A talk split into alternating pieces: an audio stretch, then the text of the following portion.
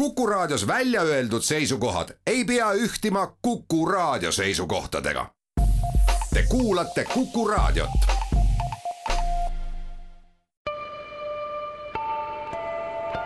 ilmaparandaja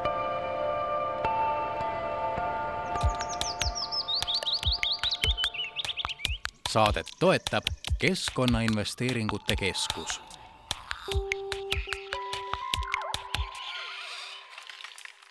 Tere, head Kuku raadio kuulajad, kell on mõni minut kaks läbi ja eetris on selle nädala ilmaparandaja saade. mina olen saatejuht Mart Valner. tänases saates äh, räägime automaksust äh, ja peale seda äh, räägime pikemalt sellest, mis seisus on meie mullad ja uurime, kas muld on kuld võtame ette nüüd ühe teema, mis on äh, viimastel päevadel suuresti tänu koalitsioonilepingule ka kõikide meeli kütnud ja selleks teemaks on automaks. miks me sellest automaksust keskkonnasaates räägime, on ikkagi see, et äh, automaks on see meede, millega tahetakse Eesti autoparki teha rohelisemaks. kas see on pädev meede, kas see on õige meede ja kas me saame kuidagi no, seda autoparki rohelisemaks, mul on hea meel, et minuga on seda arutamas Mobile Grupi tegevjuht Andrus Valma, Andrus, tere päevast! tere! Eesti autopark, nagu teada, on üks Euroopa vanemaid, saastavamaid ja mitte seda sellepärast, mida me näeme Tallinna kesklinnas ringi sõitmas, vaid seda, mida me näeme kõikjal mujal ringi sõitmas. Nüüd on üks plaan, kuidas seda kõike rohelisemaks teha, paneme igale, noh tegelikult me täpselt ei tea veel, kuidas, aga põhimõtteliselt paneme igale saastavale autole maksu peale ja ja ootame paar aastat ja, ja meie autopark on ilus roheline ja sõidame nagu Norras ringi. kas see on realistlik nii? no see selliselt kindlasti realistlik ei ole, aga aga see on tõsi, et äh, Eesti autopark on Euroopa üks vanemaid ja üks saastavamaid, alles mõned aastad tagasi oli äh, üks statistikanupp, kus tegelikult öeldi, et uute autodest Eesti oli kõige saastavamalt noh, nii-öelda autosid soetavam riik Euroopas. et, äh, et see Äh, ütleme siis äh, väide, et äh, me saastame palju, on igal juhul õige. aga kas, kas seda saab kohe nagu ühe maksuga ära muuta, see tõenäoliselt nagu nii lihtne ei ole. et siin tuleb teha väga palju erinevaid nii-öelda lükkeid, et see nagu kliendile või siis äh, otsustusprotsessis ka ettevõtetele kuidagimoodi mõjuks mm. -hmm. aga samas teie olete, ma saan aru, ikkagi selgelt seda meelt, et automaksu kui sellist meil vaja oleks? absoluutselt, et et ikkagi tegelikult äh, roheliseks minemine, me võime siin tänavatel vaadata, et äh, et autopark läheb rohelisemaks, elektriautosid ostetakse, tegelikult me Eesti on ikkagi väga-väga mahajääja rollis siin, et kui Eestis on tegelikult keskmine elektriautode äh, maht, mis ostetakse turul kuskil kolm protsenti ainult autode kogumahust, siis Euroopas keskmisena see on kümme kuni kolmteist. Nii et me oleme täiesti maha jäänud ja siin on ainuke asi, kuidas saada klienti tegelikult rohkem selle elektriauto peale on siis kas maksustada rohkem äh, fossiilkütustel äh, baseeruvaid tehnoloogiaid või siis anda soodustust elektriauto ostjatele? No seda elektriauto ostusoodustust või noh, ostutoetust, eks ole, Eestis on äh, korduvalt kasutatud, iga kord, kui kusagilt äh, süsinikukvoodi rahast jälle midagi nii-öelda üle jääb, me anname toetust, et osta elektriautosid. Äh,. sellega me olemegi sinna nii-öelda kolme protsendini jõudnud äh, kui me hakkame maksustama, siis äh, ma saan aru, et noh, mure on ju ikkagi selles, et keda see maks äh, päriselt äh,, päriselt lööb ja kuidas see mhm. maksustamine täpselt käib? jah, loomulikult, et et see maks peab olema nagu selles mõttes nagu loogiline, et ta peab olema kindlasti äh, kaheosaline, üks on see, et mida me maksame soetamisel, teine on see, mida me maksame jooksvalt et soetamisel me saame reguleerida ainult uute autode nii-öelda rohelisust, et et võib-olla siin tasub soetamisel ka mõelda sellele, et me kombineerime selle rohelisuse ja näiteks luksusautomaksu. ehk me nagu tegelikult kasutame siin äkki kahte aspekti, et äh, näiteks CO2 ja auto hind, eks ole, oleks võib-olla siin loogiline äh, nii-öelda kombinatsioon.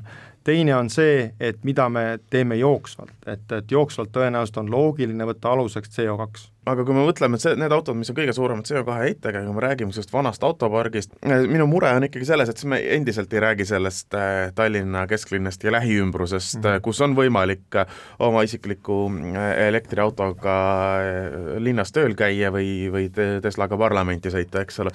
me räägime ikkagi sellest inimesest, kes elab seal Põlvas, Elvas ja Kohtla-Järvel ja kelle tööauto on kakskümmend aastat vana, suur saastav diisel, aga tal on seda vaja mm. -hmm. ja tema maksab rohkem siis? Äh, jah, mõneti see, see nii on, et aga tegelikult mina näen, et siin erisusi teha on tegelikult natukene ebaloogiline et kui me teeme erisuse näiteks, et Põlvasse kakskümmend aastat vanale autole, siis tähendab, et paljud rikkad ettevõtted või eraisikud hakkavad ennast registreerima Põlvasse.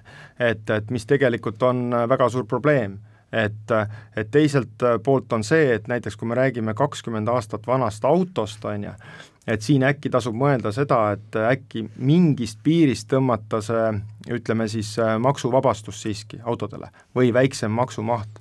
see on selge, et ma ei tea, autod, mis on registreeritud enne kahe tuhandet aastat, need, neid ei kasutata sellepärast, et, et olla mingisugune kõva mees linnas kuskil, vaid neid kasutatakse selleks, et on äärmine vajadus, või need on näiteks hobiautod, mis seisavad tegelikult garaaži all, et nende autode maht ei ole nii suur ja, ja teiseks on siis see, et et äh, sealt see nii-öelda tulu tõenäoliselt ei ole ka mingi metsik aga, aga noh, minu poolt veel üks võib-olla repliik siia, et et oleks see, et tegelikult äh, võib-olla ikkagi neid äh, kompenseerida, seda automaksu ääremaal tasub muude meedetega. et tegelikult peaksime mõtlema sedasi, et, et et jah, see on nagu valus äh, ääremaa inimestele, eks ole, siin seda automaksu maksta, teistpidi ka tema peab üks hetk võtma kasutusele rohelisema tehnoloogia. Ja seda me saame teha, kui maksustame ühtselt. samas võib olla mingi teine meede, mille alt me siis äh, nii-öelda kompenseerime selle automaksu näiteks äh, noh, Põlva, Võru või, või Hiiumaa elanikule on ju, on see siis mingisugune otsetoetus, on see siis mingisugune ma ei tea, üks mingisugune meede auto ostmisel näiteks mm, -hmm. et või midagi sellist mm. -hmm. no kohalikele omavalitsustele tahetakse anda kindlasti võimekust ju praegu juurde rohkem mm -hmm. makse koguda, võib-olla ka rohkem toetust maksta siis äh, selle juures. Äh, sel nädalal on väga tugevalt äh, hotellide-restoranide liit reageerinud sellele, et nii kui tuleb meil maksutõusu erisuse kaotamine, kaotab Eesti väga suure hulga turiste ja sellega ka raha. kui me nüüd kehtestame automaksu, kas on ka, kas me kaotame ka nii-öelda oma liiklusregistris terve hulga autosid, ehk siis neid tegelikult enam Eestist ei osteta, Eestisse ei registreerita? no kindlasti nii ei ole uute autode puhul, et eks loomulikult, et täna on paljud võib-olla siin kallimate autode ostjad äraootaval seisukohal. et, et me ei tea, kas see automaks tuleb uue auto kohta tuhat eurot, võib-olla tuleb kümme tuhat, võib-olla tuleb viisteist tuhat, on ju. et ajutiselt see korraks nagu pärsib. suures plaanis ta tegelikult väga palju ei muuda, see on uus reaalsus lihtsalt ühel hetkel, auto tarbimine läheb kallimaks ja see on loogiline.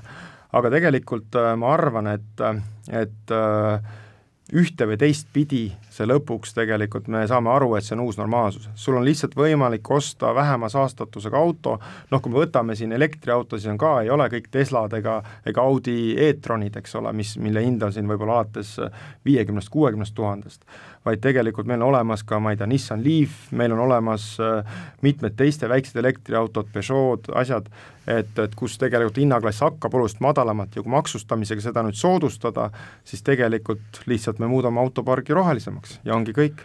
Eesti vist on üleüldse üks viimaseid riike Euroopas, kus ei ole automaksu, nii palju kui ma olen, kui olen aru saanud, ja teised riigid täiesti elavad üle selle praegu. jah, Eesti on kõige viimane Euroopa Liidu riik, kus ei ole automaksu, jah no siis äh, võib-olla sinnamaani jõuame, ma olen nõus, et sellega tuleb väga selgelt äh, tegeleda, nii et, et et see jõuaks sinnamaani, et, et seda maksu ei maksaks need, kellel ei ole äh, Äh, juriidilist ja finantsilist võimekust äh, ennast kuhugi pidevalt ümber registreerida vastavalt sellele, kus kõige odavam tollel hetkel on. kui me üleüldse räägime rohelisest autopargist, siis kindlasti rohelise autopargi osas peaks eeskuju näitama riik ja riigiasutused. Äh, ja üks asi on see, et mis autod seal on, teine asi on see, et kuidas neid autosid ka kasutatakse.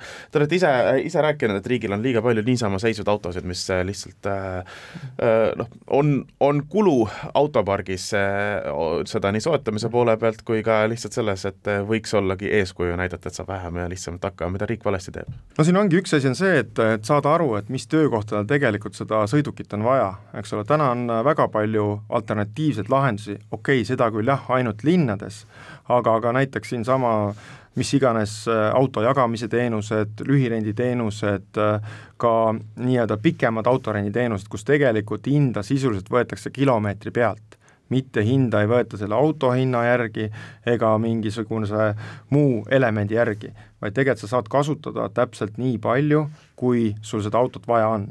et, et ei ole mõtet nagu võtta siin äh, kuskile ministeeriumi seina äärde autosid seisma. teine asi on see, mida, äh, mida niisugune nagu jagamisest või rendist äh, võetav auto nagu annab, on see, et on selgus, palju selle auto tegelik kulu nagu on et, et kui me näiteks äh, riigile liisime kakskümmend autot, siis äh, me teame, palju on see liisingu kuumakse, aga tegelikult me ei tea, palju on hooldused, palju on äh, kindlustused, palju on rehvid, rehvivahetused, see läheb kõik nagu musta auku, me tegelikult, see läheb kuskil eelarve teise rea pealt ja jääb nagu ütleme, kaugelt vaatajale arusaamatuks. et kui me paneme need kõik kulud ühte maksesse, siis on loogiline, me teame, palju riik selle auto eest maksab ja palju ta kilomeetri eest maksab. Äh, teine asi on see, ka automaksu valguses, eks ole, et jälle, kui me vaatame ainult liisingumakset, see automaks seal ei kajastu, automaks tuleb maksta juurde.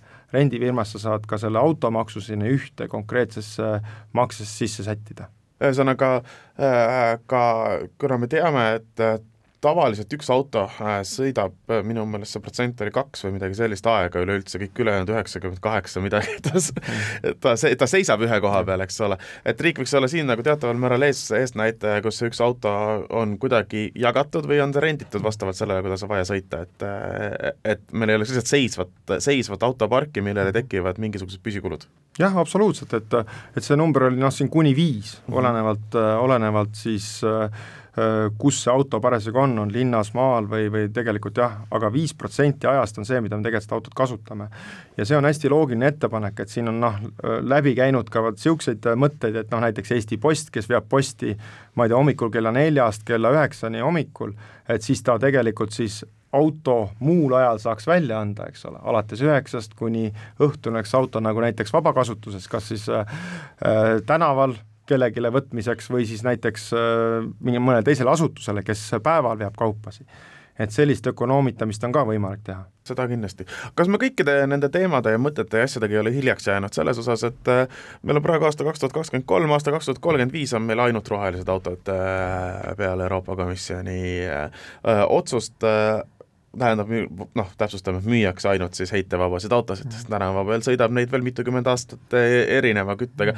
et miks me üldse praegu pingutame, kui meil kaks tuhat kolmkümmend viis äh, need asjad lähevad äh, roheliseks ja süsinikuneutraalseks? ja noh, parem hilja kui mitte kunagi, eks ole, et äh, nagu te õigesti märkisite, siis tegelikult me ei saa osta uusi autosid noh, see pole ka veel lõplikult kindel, et meil räägitakse täna siin e-kütustest, eks ole, mis on lubatud, me täna isegi ei tea, mis see e-kütus on ja kuidas seda saab ja palju see maksab, aga, aga, aga siin mingisugused niisugused äh, erandid kindlasti tulevad teiseks on see, et vana autopark jääb ju kindlasti alles, et, et ega see, kui me kaks tuhat kolmkümmend viis ostame viimased fossiilkütusega autod, need kestavad vähemalt kümme-viisteist aastat veel. ehk me räägime siin aastani kaks tuhat nelikümmend viis, kaks tuhat viiskümmend, mis on ju ebareaalselt kauge aeg juba.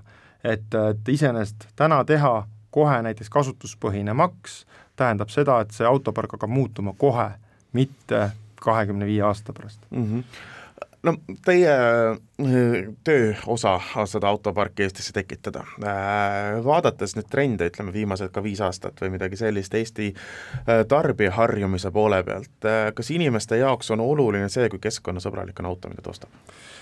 kahjuks me enda tegime just ühe uuringu, kui me nagu siin natuke sätime oma siin erinevaid tooteid kliendile sobilikumaks.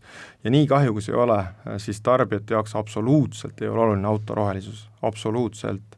et seda märkis siin ütleme ainult mingisugune kolm protsenti vastajatest, et see nende jaoks on oluline, et auto on roheline. noh, täpselt nii see nagu turg näitab ka et, et kolm protsenti on elektriautosid. aga samas meil on hübriide näiteks ju oluliselt rohkem teede peale tekkinud jah, hübriid on reaalne asi, et hübriid on tegelikult äh, päris nii-öelda kütusesääst kohe mm, -hmm. eks ole, seda tuntakse, kui kas ma panen autosse kümme liitrit saja kilomeetri kohta või panen viis, on ju, aga kui ma panen viis, see tundub ju piisavalt väike raha, et, et mitte maksta nii palju rohkem, et ma peaksin päris elektriauto soetama, mis toob kaasa tegelikult suure ebamugavuse. et ja siinkohal me räägime hübriididest, mis on siis äh, nii-öelda, mis ei ole pistikhübriidid nendest hübriididest, mis on nagu autonoomsed, on ju, ja seal sa ei pea midagi täiendavalt tegele, tegelema, aga pistikhübriidid on näiteks noh, minu arvates see on väljasurev liik, sellepärast et pistikhübriidid on natukene niisugune näitamise asi, et mul on elektriauto, tegelikult ma seda kunagi ei lae ja mu kütusekulu on selle tõttu hoopis suurem, kuna see auto on raskem. mitte ma, ma kulutan rohkem fossiilset kütuset tegelikult kui tavalise bensiiniautoga näiteks nii et äh, keskkonnasõbralikumat valikut tehakse ikkagi siis, kui see on äh, selgelt odavam. ja, ja noh, ideaalis ka piisavalt mugav või noh, hübriidi puhul see, et sa ei pea lihtsalt mitte midagi tegema, seal lihtsalt äh, sõita on odavam. täpselt nii noh, see äh, kinnitab seda arvamust, et kui me tahame minna keskkonnasõbralikuma maailma peale, peame panema majanduse kõigepealt kuidagi paika, et see olekski inimeste ja inimeste jaoks äh, mõistlikum. aga noh, okei okay,, raha tõttu see on, räägi, kui palju siis osteta-, ostetakse meil siis rohkem seda hübriidi ja, ja sellist äh, noh, ikkagi ütleme, et keskkonnasõbralikumat varianti jah, kui me räägime täna hübriidist, siis hübriid on tõesti nagu hetkel tehnoloogia, mis on populaarne. et meie enda autopargist, meil on Eestis täna äh, liikumas äh, umbes kolm tuhat kolmsada autot, nendest on nelikümmend viis protsenti on hübriidmootoritega, mis on väga hea tulemus minu arvates. et kütusesääst on seal päris oluline.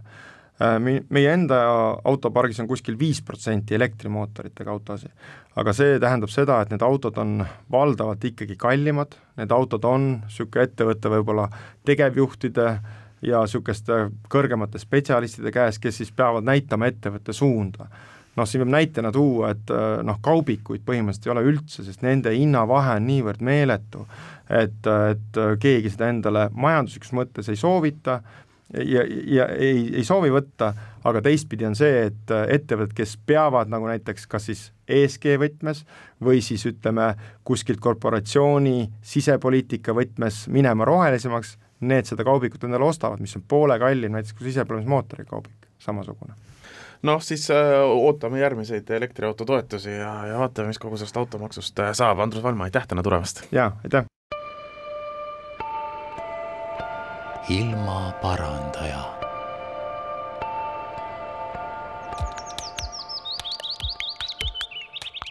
saadet toetab Keskkonnainvesteeringute Keskus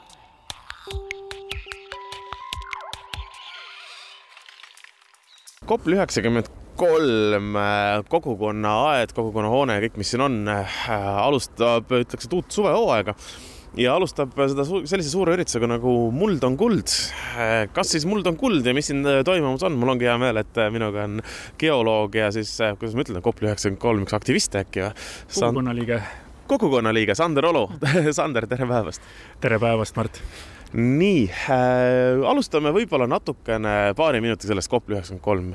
me oleme siin suures aias vana räämas hoone juures ja ma eeldan, et paari aasta pärast me oleme ilusa hoone juures, kus tegutseb kogukonnakeskus ja äh, kus kõik ümberkaudsed tahavad tulla ja siin teha mida ja selles mõttes see on nagu see ilus helesinine unistus. põhimõtteliselt me oleme siin praegu jah, kogukonnakeskuse hoovis ja me oleme siin tegelikult äh, väike, väikese sellise kastipõllunduse kõrval, millest tegelikult kogu see Kopli üheksakümmend kolm kogukonnakeskus alguse on saanud. et äh, tuua kokku need esimesed huvilised, kes siis äh, hakkaksid looma niisugust kriitilist massi, kasvatama oma väikseid juurikaid ja, ja tekitama siis sellise väikese harjumuse siin käia. et nüüd juba peaks algama siin kolmas hooaeg iga, iga aastaga siia tulevad asja, tulevad asjad juurde, tulevad ka külastajad juurde või nii-öelda kogukonna liikmed. et äh, püüame siis, äh, püüame siis järjest kasvada.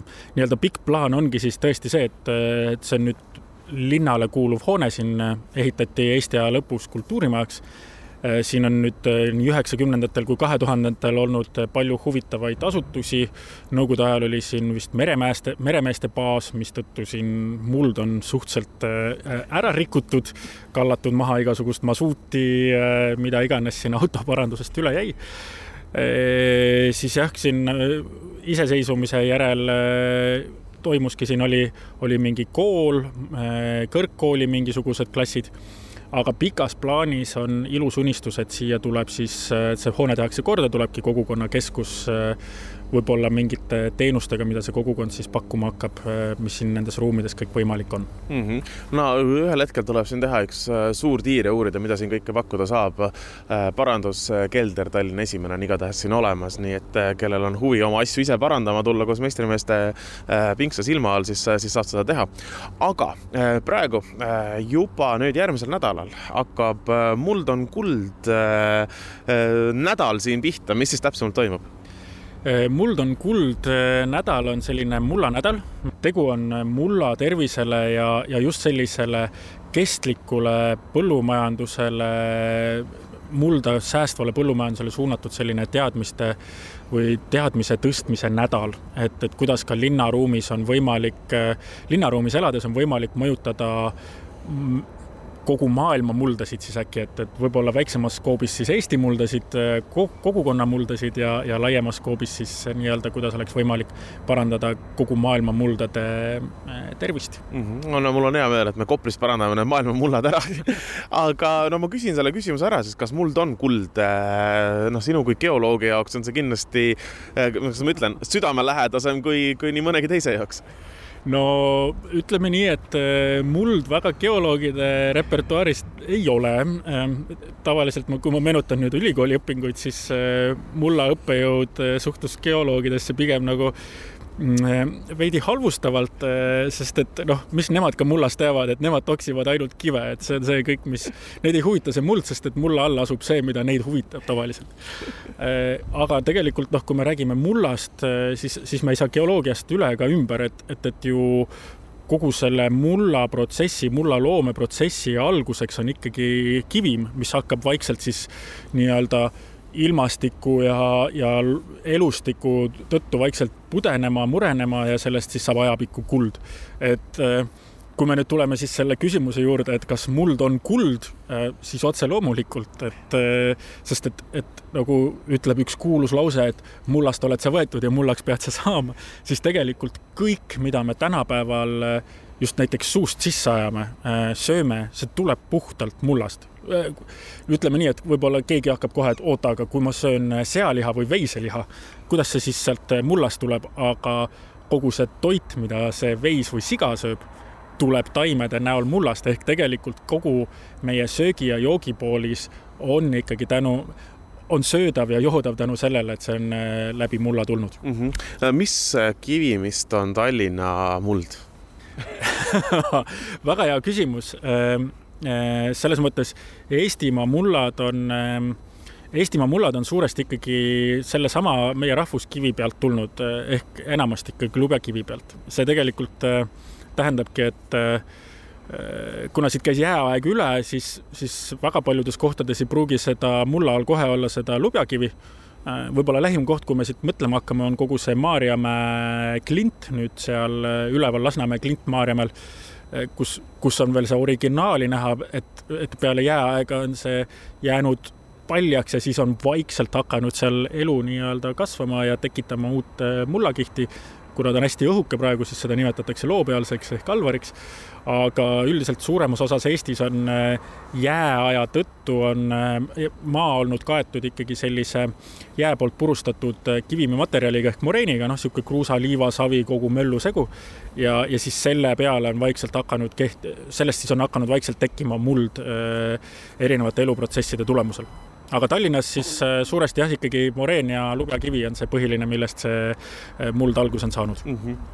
ja üks asi, mida kogu selle mulla kohta lisaks erinevatele põnevatele töötubadele, podcast idele, kõigele muule, mida, mida siin näha-kuulda saab, on see, et sinuga saab käia siiasamma Kopli mulla siis auke kaevamas ja vaatamas, mis välja tuleb, olen ma õigesti aru saanud no just, meil ongi siin kaheosaline on see Muld on kuld nädal, et, et, et üks osa on see, et saab päriselt näpud külge panna, näpud mulda lükata, ütleme nii.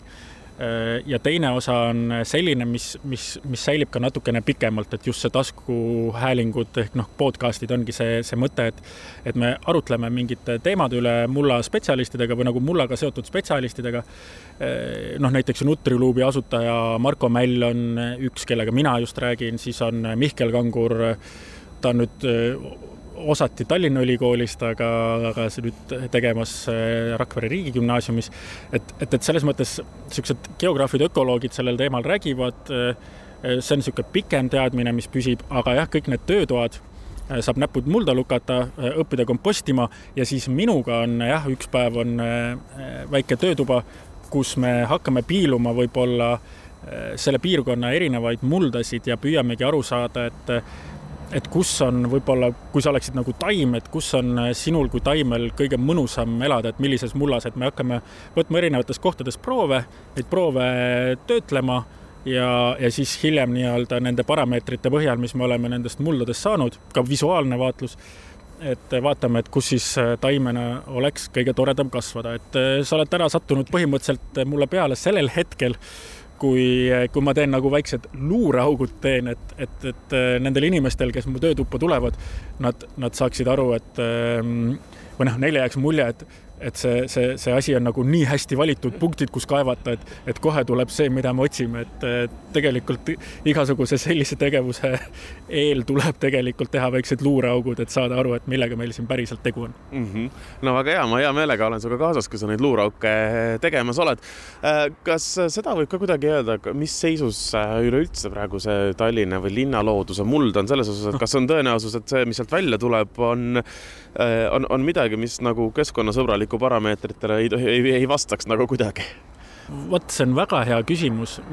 ma just mõtlesin selle peale täna hommikul just, et kus ma neid auke kaevama hakkan, aga et, et kui, kui räägitakse, et meie põllumullad on stressis, siis tegelikult linnamuldade olukord on noh, võiks öelda suurusjärgu võrra hullem et kui, kui nii-öelda põllumullad saavad pigem tappa sellega, et me anname neile tohutult palju mineraalväetist, püüame neid iga talv üles künda, enne iga talve üles künda või kevadel talve järel.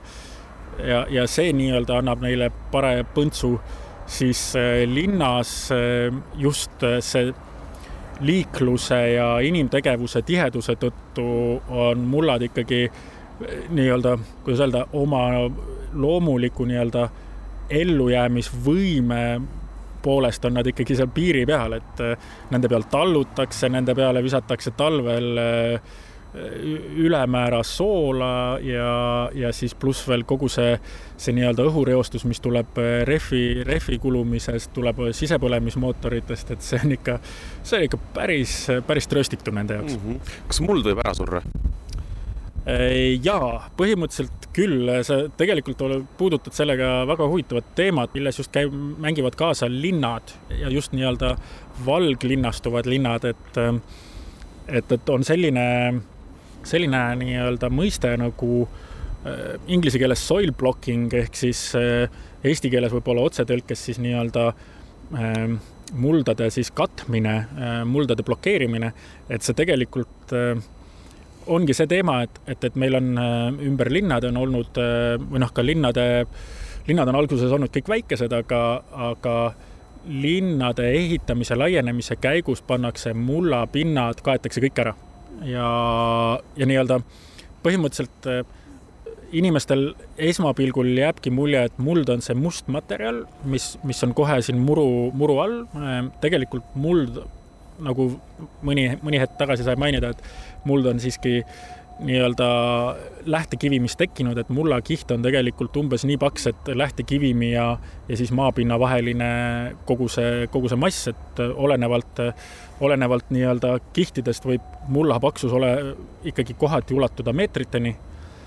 muidugi Eestis ebatõenäolisemalt, aga, aga tegelikult ongi see, et kui me selle musta kraami pealt ära kraabime ja ütleme, et äh, jah, äh, me päästsime mulla siin enne maja ehitust, siis tegelikult suur osa sellest mullakihist on ikkagi veel alles ja see elustik, mis seal elab, äh, see tegelikult selle nii-öelda musta kihita ja siis, kui sinna veel musta kihi asemel pannakse asfalt või mingisugune kruusakiht, siis suure tõenäosusega hukkub, et, et tegelikult sellisel moel on mulda võimalik ära tappa küll. aga noh, ütleme nii, et seda on võimalik ka uuesti ellu äratada, aga see pigem elluäratamine on nagu selline protsess, et see, see on selline elu pigem võiks võrrelda seda, et, et nad ei jää nagu tuttu kogu see muld, vaid et pigem seal on see äh, mingisugused kihid olemas, aga nad tuleb uuesti taas äh, nakatada eluga. ilmaparandaja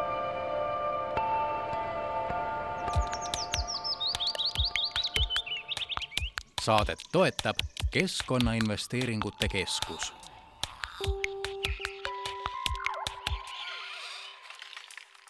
Koos äh, geoloog Sander Ologa äh, läheme nüüd äh, Koplisse kaevama erinevaid auke, et vaadata, kas muld üpris väikese maa-ala peal ka erineb me tahaks võtta ühe väikse kaeve teha kusagilt suurema tänava kõrvalt, kus on talvel siis ohtralt soola visatud või noh, siin töötoas hakkamegi määrama, et kui palju ta ülejäänud muldadest soolasem on, kas need soolad siis päriselt mõjutavad mulda Äh, siis äh, läheme siin, vaatame kusagile pargi poole, vaatame, milline näeb välja pargimuld, võtame ka sealt proove. ja ma tean, siin lähedal on üks koht, kus äh, tegelikult mulla all on kohe liivakivi ehk siis mulla lähtekivim. Et, et me saame sealt tõenäoliselt töötoa käigus võtta proovi nii selle mulla kihist kui ka sellest lähtekivimist, et siis näidatagi, et väikest seost, et miks miks, äh, miks Eesti mullad on sellised, nagu nad on, et nad on tegelikult ikkagi väga selle lähtekivimi nägu.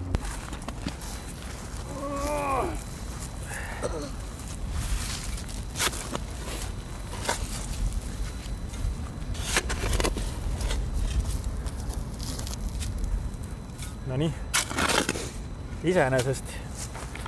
nii. mida me siin näeme, eks ju? Tegelikult näeme siin isegi praegu täitsa, täitsa kena lahendust, et et see, mida me siit peaksime leidma, ei olegi võib-olla silmaga näha. üldiselt nagu taimestik kasvab, aga see on selline klassikaline muru.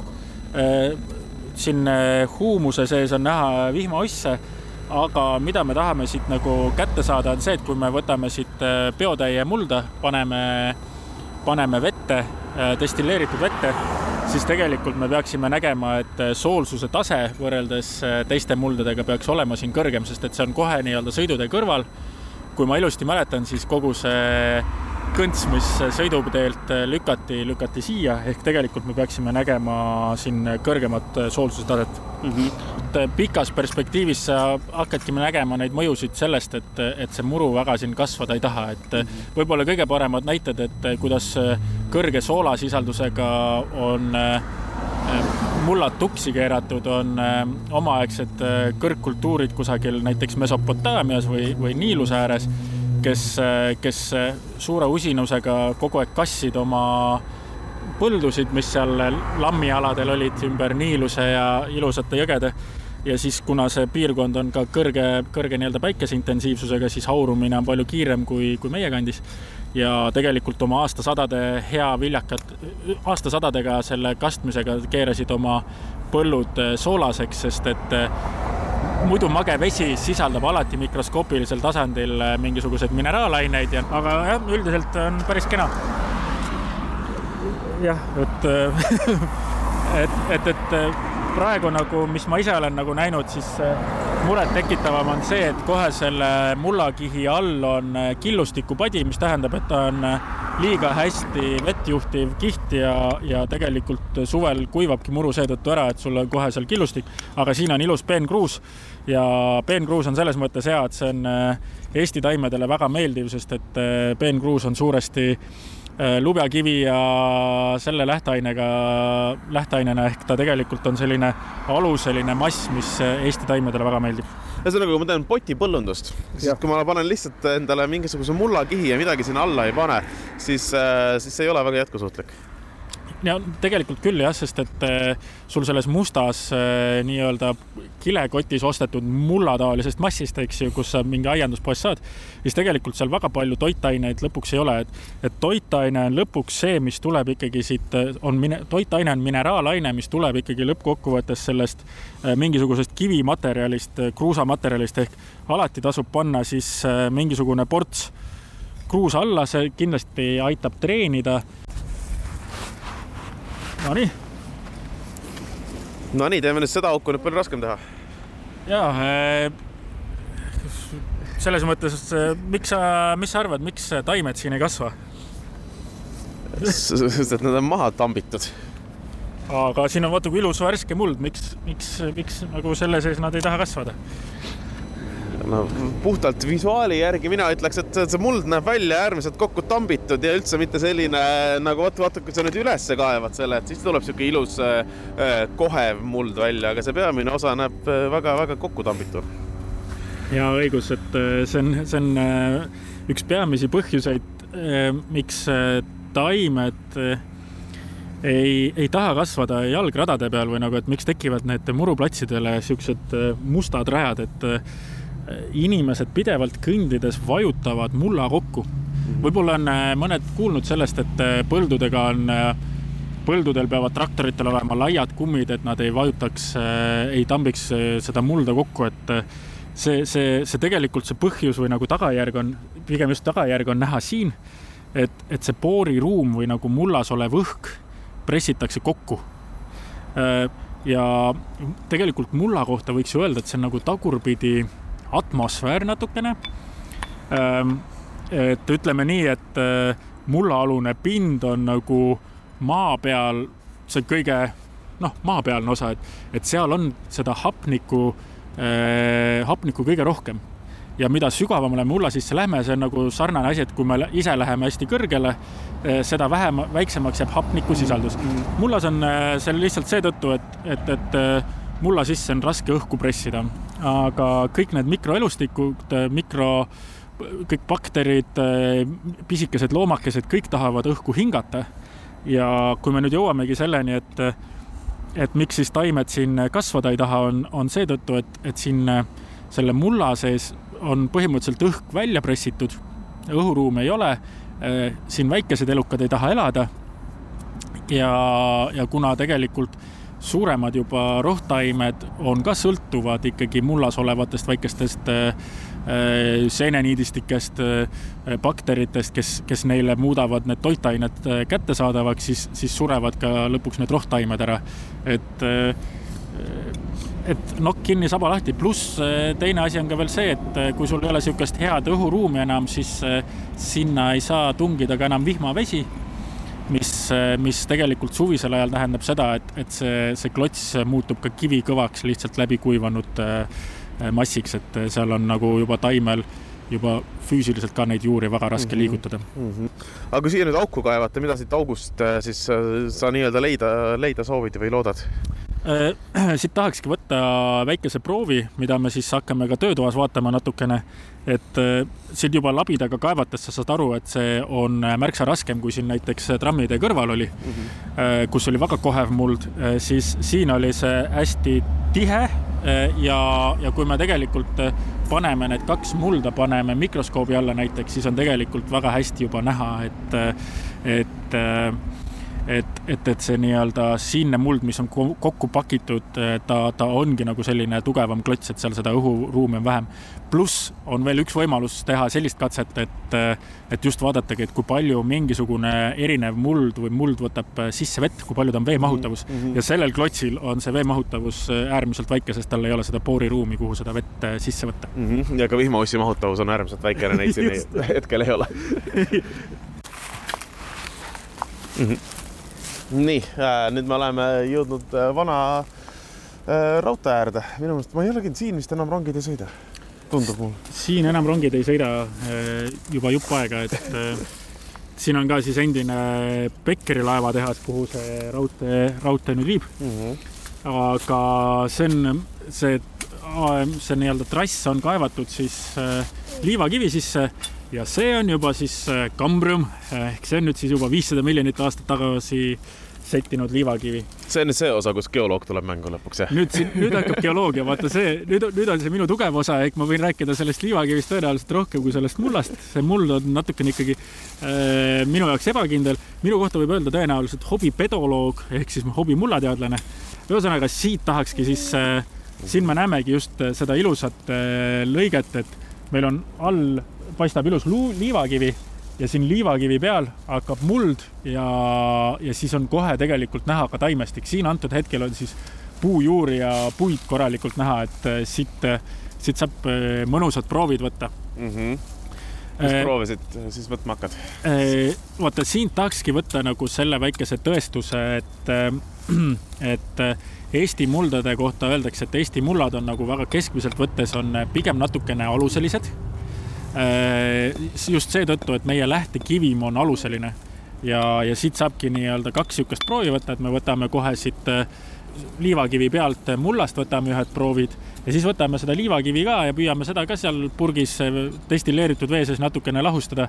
ja tegelikult see, see, see aines, mis, mis seda liivakivi just niimoodi kivina koos hoiab, niisugune nagu tsement, et see peakski andma ka niisugust aluselist reaktsiooni, et me peaksimegi siit nägema, et jah, see kivi, millest siis tekib Eestis muld mm. -hmm kus saab muld oma toitaineid, on aluseline ja seetõttu on ka Eesti mullad kergelt aluselised.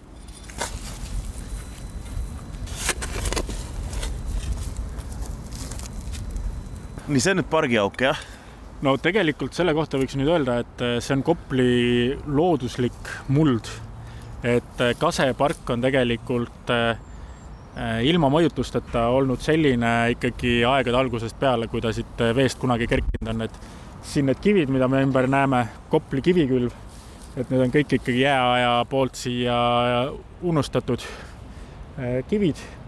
et see park on ikkagi olnud siin suhteliselt looduslähedane, et siin me võime öelda suhteliselt kindlalt, et see on nii-öelda looduslik rikkumata muld mm. -hmm.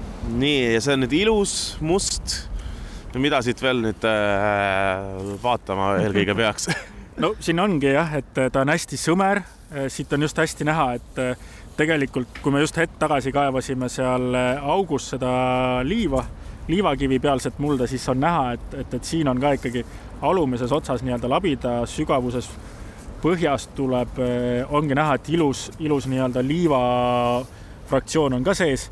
liiv on segamini siis selle huumusega ehk tegelikult see on selline noh, kohati nagu õpiku näide vaadata, et milline on nagu selline hästi välja kujunenud äh, äh, funktsioneeriv muld, et, et see liiv annab siit seda mineraalainet, nii-öelda toitainet, samal ajal aitab tal just seda veejuhtivust tõsta, samal ajal see huumus siin sees hoiab jälle seda vett, et ta ei, ta ei ole liiga niiske lõpuks ja et ta on just niisugune nagu paras ja lubabki nendel puudel, põõsastel Äh, ja vi vihmaossidel mõnusalt kasvada.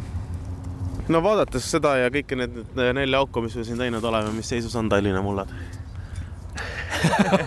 nelja augu pealt peaks ütlema, mis seisus on Tallinna mullad. no Kopli äh, ma arvan, et äh, vast kõige nagu ausam vastus on see, et neil on kõvasti potentsiaali, et kui me oma teadlikkust tõstame sellest just, et mis meie tegevused mullale kaasa toovad just, et et, et talvel tegelikult võib-olla võiks natuke tagasi tõmmata eh, nii-öelda libeda tõrje jaoks nagu soola, soola loopimisega ja, ja võib-olla siis nii-öelda püüda mitte võib-olla igal pool muru peal sõita ja ja, ja tuua võib-olla just niisugust mitmekesisemat taimestikku meie parkidesse, mis, mis, mis loovadki sellised äh, oma kogu juuresüsteemidega loovadki mulla arenguks just niisugused eh, head tingimused.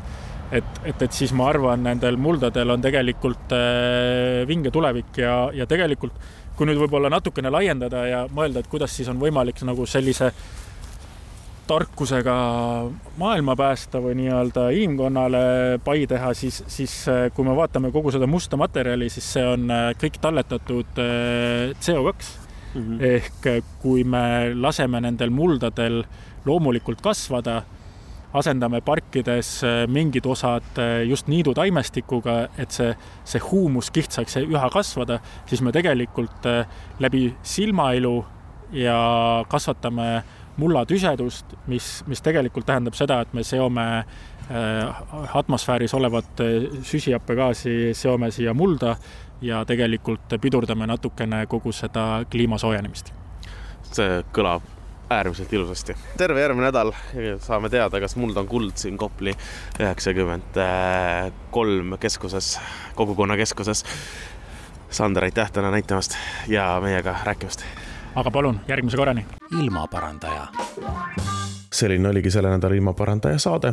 loodan, et teil oli seesama põnev kuulata, kui minul seda teha ja äh, kokku panna.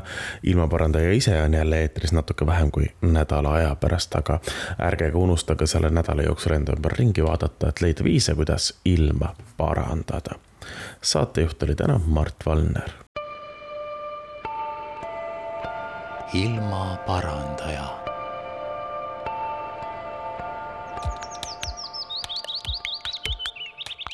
saadet toetab Keskkonnainvesteeringute Keskus